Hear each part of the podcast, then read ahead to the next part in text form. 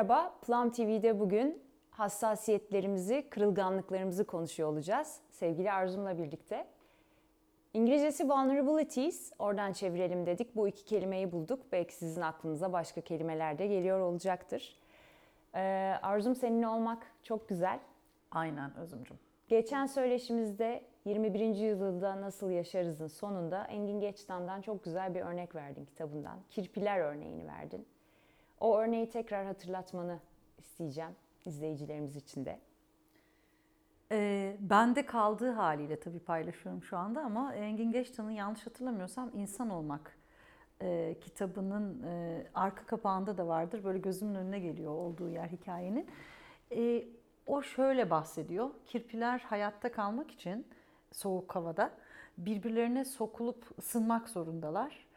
E, fakat tabii kirpiler sokuldukları zaman tabii de diken meselesi var ya. Hmm. kirpilerin kendilerini korumak için gardları dikenlerini diktikleri zaman bu sokulma esnasında dikenlerini indirmek durumundalar ki sokulabilsinler ve iyice ısınabilsinler. Açık kalırsa, havada kalırsa dikenler birbirlerini yaralama riski var. Hatta belki öldürme riski bile vardır bilemiyorum. Bu dilemadan bahsediyor, bu çelişkiden bahsediyor. Yani hayatta kalmak için yaklaşmalıyız, birleşmeliyiz, birlikte olmalıyız. Ee, ama içgüdüsel olarak da kendimizi korumak istiyoruz.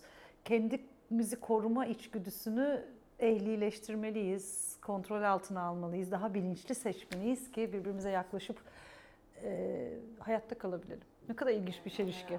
Evet, şimdi şeyi düşündüm. Ee, tabii seni dinlerken hani bizim önceki söyleşilerimizden de izleyiciler bilir. Dinlerken tabii insanın aklından bir sürü şey geçiyor. Birçok çağrışım oluyor. En son gelen çağrışım şuydu aslında biz duygusal bir olay yaşadığımızda ve bir acı çektiğimizde acı çektiğimiz, gerçek fiziksel bir acı çektiğimizde uyarılan aynı yer uyarılıyor beynimizde. Hmm. Ve bazen bu acı o kadar canımızı yakıyor ki duygusal olarak da fiziksel olarak da yani aynı acı gözlerimizden yaşlar geliyor mesela. Şimdi insanın doğası gereği hep bu beyinde de hani fight or flight mod vardır ya ya kaçarız ya donarız. Ee, yaşarken de yaş aldıkça da sanırım bu kendini koruma böyle bir kemikleşmeye, betonlaşmaya, böyle insanın etrafında ister istemez duvarlar örmeye doğru gidiyor. Ancak aynı zamanda şahsi tecrübemde şu ki yaşadıkça da bir yumuşama, merhamet, ve daha olaya toleranslı ve sabırla bakma yanı da bir yandan gelişiyor.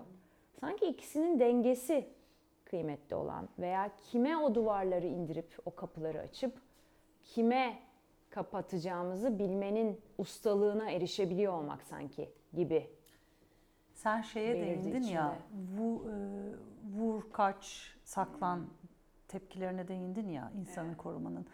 E, reaktif eğilimler bir takım teorilerden baktığın zaman yani içgüdüsel eğilimler ki insanın kendi, hayatta kalmak için kendisini koruması için tabi bunlar e, çok ilkel beynimizin aksiyonları ve çok eskilerde oluşmuş. İnsanın düşünen beynini yaratmadan, neokorteks vesaire şimdi nörobilimcilerin önüne geçmeyeyim e, teknik dilimle. Çünkü senin çok nörobilimci konuğun oldu. E, ama ilkel beynimizin işi yani vur kaç saklan tepkisi. E, sıkıntı e, o çok gerekli güdüleri gerek olmadığı zamanda kullanacak kadar katılaşmak gelişirken. Şimdi sen yaşlandıkça Güzel. dediğinde ilgimi çekti. Çünkü evet yani insan yaş alırken tecrübe biriktiriyor. Biriktirdiği tecrübelerde de çok fazla e, kendisini koruması gereken durumlar da yaşıyor ve bundan da öğreniyor. E, ama işte o öğrenmeleri esnasında bunları ne kadar otomatikleştireceği, ne kadarına uyanık ve farkında kalıp ne kadar seçerek ilerleyeceği önemli. Benim e, kurum yani bir çalışma, profesyonel çalışmalarımda da kullandığım bir e, profil var. O profilde insanların e, kendilerini işte bu içgüdüsel e, reaktif eğilimleriyle e, yaratıcı kapasiteleri arasında karşılaştırmalarını sağlayan bir değerlendirme metriği kullanıyoruz. çok. Çok çok ilginç. Benim çok sevdiğim, kendimi de çok anlamama yardımcı olan e, ama paylaşmayı da sonuçlarını irdelemeyi de en sevdiğim e, profillerden biri. Çünkü şöyle bir takım kabulleri var. Dünya üzerinde 200 bine yakın kişiye uygulanmış. E, diyor ki bu içgüdüsel eğilimler tabii ki insan olmanın bir parçası. Yani biz bunları e, dinozorları avladığımız çağda oluşturmuş durumdayız ama halen de hani seninle oturduğumuz şu masanın altından toplantıda olduğumuzu varsayalım. Her an dinozorlar çıkıp bize atak edecekmiş şekilde gardımız havada. Çünkü beyne böyle yerleşmiş durumdalar bunlar. Halbuki bu masanın altından çıkacak bir e, dinozor yok. Bunu ayırt edemiyoruz ama o anda ne kadar otomatikleştiyse o davranış ve biz bunun için nerede dinozor çıkıyormuş gibi atağa geçtiğimizi irdeleyecek e, bilinci geliştirmediysek, bununla çalışmadıysak, bunun farkındalığını geliştirmediysek her zaman o masanın altından dinozor çıkacakmış gibi. Merhaba masa. Çok da güzel masasın sen bu arada. E, davranıyoruz ve o zaman da gardlarımız çok aktif. Yani çok az yaklaşabiliyoruz kirpiler örneğinden gidecek olursak. Hep aktif oldukları zaman da bağ kurmakta yakınlaşmakta topluluk içerisinde e, rahat bulunmakta içten olmakta, samimi olmakta, özgün olmakta zorlanıyoruz. Gitgide tabii bunu olamamak da bizi yoruyor. Yoruyor. Yorduğu zaman da. daha fazla gard kaldırıyoruz falan. Biraz böyle yumurta tavuk bir duruma dönüşüyor. Ama e, evet hassasiyetlerimiz bu anlamda önemli bir konu. Çünkü gelecek daha fazla topluluk içinde var olabilmeyi gerektiriyorsa bunu nasıl başaracağız? Şöyle şimdi şu dikkatim şuraya gitti. Aslında hassasiyetler nasıl diyeyim? Cümleyi şöyle kurmak daha uygun olacak Gardlarımız tabii ki olacak ancak ruh geliştikçe de biraz yalnızlaşıyor aslında. Orada da bir ikilem var gibime geliyor. Evet. Aç biraz bunu merak içliğine, ettim. yani daha kendine çekiliyorsun ruhun geliştikçe. O yalnızlığın zaten gelişmek için biraz yani ruhu geliştirmek için biraz kendi içine tek çekilip biraz reflect etmek, biraz yaşadıklarına bakmak, biraz okumak gerekir ya ve bu aslında e, ressamlardan tutun filozoflara, filozoflardan yazarlara kadar da söylenilen, dile getirilen bir şey. Kişinin kendine bu zamanı ayırması gerek aslında kişisel olarak da e, kendini geliştirmek arzusu içerisindeyse ve daha iyi bir hayat yaşama arzusu içerisindeyse. Bir yandan geliştikçe yalnızlaşma söz konusu. Çünkü şey gibi düşünelim, e, belki iddialı bir örnek olacak ama bir antrenman sahası düşünün. Bu Plum'un hayat antrenmanı deyimi var ya. Şimdi ben her gün gidiyorum e, günde 3 saat antrenman yapıyorum. Ve yanımda olan kişiler 1 saat antrenman yapıyorlar. İster istemez aradaki fark açılmaya başlar. Ve o yüzden de bir yalnızlaşma olur. Bu işin doğal sonucu. Zaten yalnızlaşan kişi bunu bilir. Bazen birini istese de yanında aslında orada yalnız olacağını bilir. Veya ileride birilerini yakalayacağını bilir en azından. Ee, şeyin çok güzel bir sözü var. Kimin de hatırlayamıyorum şimdi. Diyor ki hep gelişmeye bakın ve diyor etrafınızı ona göre düzenleyin. Çünkü kiminle vakit geçirdiğiniz çok önemlidir diyor. İnsanlar geliş yani iyi insanlarla vakit geçirdiklerinde hani zamanı geçirdiğimiz insanlara benziyoruz ya ister istemez. Öyle olurlar. Ama zannetmeyin ki diyor aptallarla vakit geçirdiğinizde zarar görmezsiniz. O yüzden çevrenizi ona göre organize edin eğer bunu çevreden bulamıyorsanız ölülerden bulun diyor. Yani orada da çünkü siz bizi yalnızlığımızı giderecek çok kişi var aslında. Ölüler derken... var, yazarlar. Bak masamızdaki, masamızdaki e, Ölüler Günü'nün sembolü müydü bu? E, dikkatimi çekiyor. Valla ilginç bir şey söylüyorsun. Biraz... E, biraz karşı çıkış hissediyorum içimde. Katıldığım yerler hissediyorum. Biraz karşı evet. çıkış hissediyorum. Gel beraber güzel, sorgulayalım karşı diyeceğim. Güzel Aynen. içinde bir şey demek ki daha yani karşı çıkışta belki bak aslında hassasiyetlerimizi konuşturuyoruz. Evet. Onun da adını koymak lazım. Karşı çıkış derken sorguladığım bir şeyin altını çizmiş oluyor söylediğin şey. Beni korkutan bir şeyin altını çizmiş oluyor.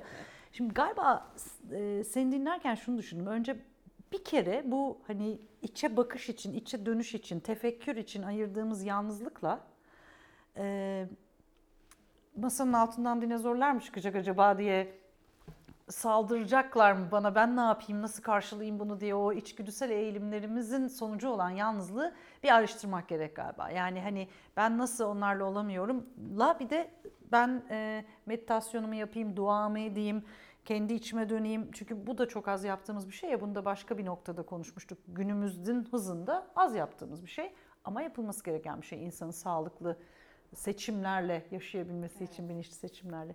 İkisini galiba ayrıştırmak lazım. Bu tarafa gelince benim çok sorguladığım bir şey var. Ona değiniyorsun bir taraftan. Söylediğin hale, ruh haline e, çok tanıdığım bu arada. Yani kendimi ki seninle daha önce çokça bu konuda konuşmamız var. Sen de biliyorsun. Yalnız hissederim.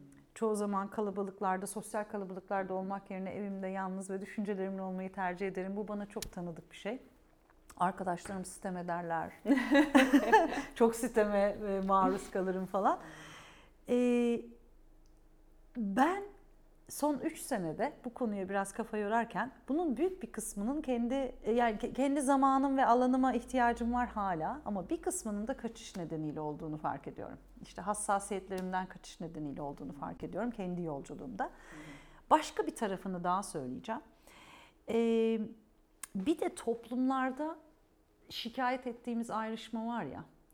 E, bugün yani kendi küçük ülkemiz den alacaksak da hani kendi küçük örneğimizden alalım ama tabii dünyanın bütününe e, etkileyen daha iki gün önce bir yine işte farklılıklar, in, in, dahiliyet, inclusion, diversity konusu biliyorsun kurumlar alanında da çok e, çok Ön önde. Planda. Aynen evet. öyle. Onu konuştuğumuz bir süreç vardı yine.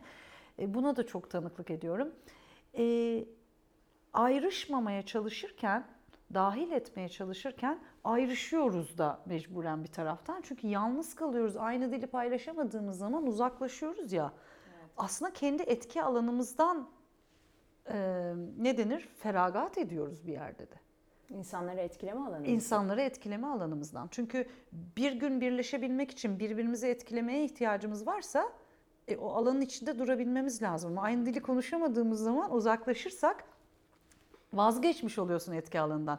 Fakat aynı dili konuşabilmek için, orada durmak için de kendi hassasiyetlerinle sağlam durabilmen lazım. Benim 3 senede öğrendiğim bu. Madem etkilemek istiyorum, madem ben kendi en en şey haliyle konuşayım, çıplak haliyle konuşayım ve beni rahatsız eden ve kırılganlığımı masa üstüne koyan bir halimle konuşayım istersen. Güzel de bir örnek olur belki. Ee, ben onlar gibi düşünmüyorum ve hiç de hoşuma gitmiyor düşündükleri biçim diye hissediyorsam herhangi bir durumda çekip gidiyorsam, vazgeçiyorsam, kendi köşeme çekiliyorsam e, aslında kendimi ben ayrıştırmış oluyorum ve yargılamış oluyorum diğer tarafı. Bir noktada evet. Bir noktada evet. Bir noktada yani ne doğru ne yanlış. sahip çıkıyorsun aslında. Kendi fikrime sahip, sahip çıkıyorum. Çıkıyorsun. Benim içinde üzerinde çalıştığım senin de bildiğin bir sistem teorisine göre ilişkilerle çalışma biçimi diyor ki sistem kuralı deriz ona. Sistemlerin bir numaralı kuralı. Her birey haklıdır kısmi olarak. Güzel, çok Her birey haklıdır ve kısmi olarak. Yani ve zıttından da gelmiyor yani. Her birey haklıdır ve kısmi olarak. Dolayısıyla ben etki alanımda durmayı seçebilirsem e, aynı zamanda o kısmilikle de yüzleşmek zorunda kalıyorum. İşte orada kırılganlıklarımız devreye giriyor. Ben kendi deneyimden bunu görüyorum. Çünkü şunu demiş oluyorum kendime. Ben de kısmi olarak haklıyım.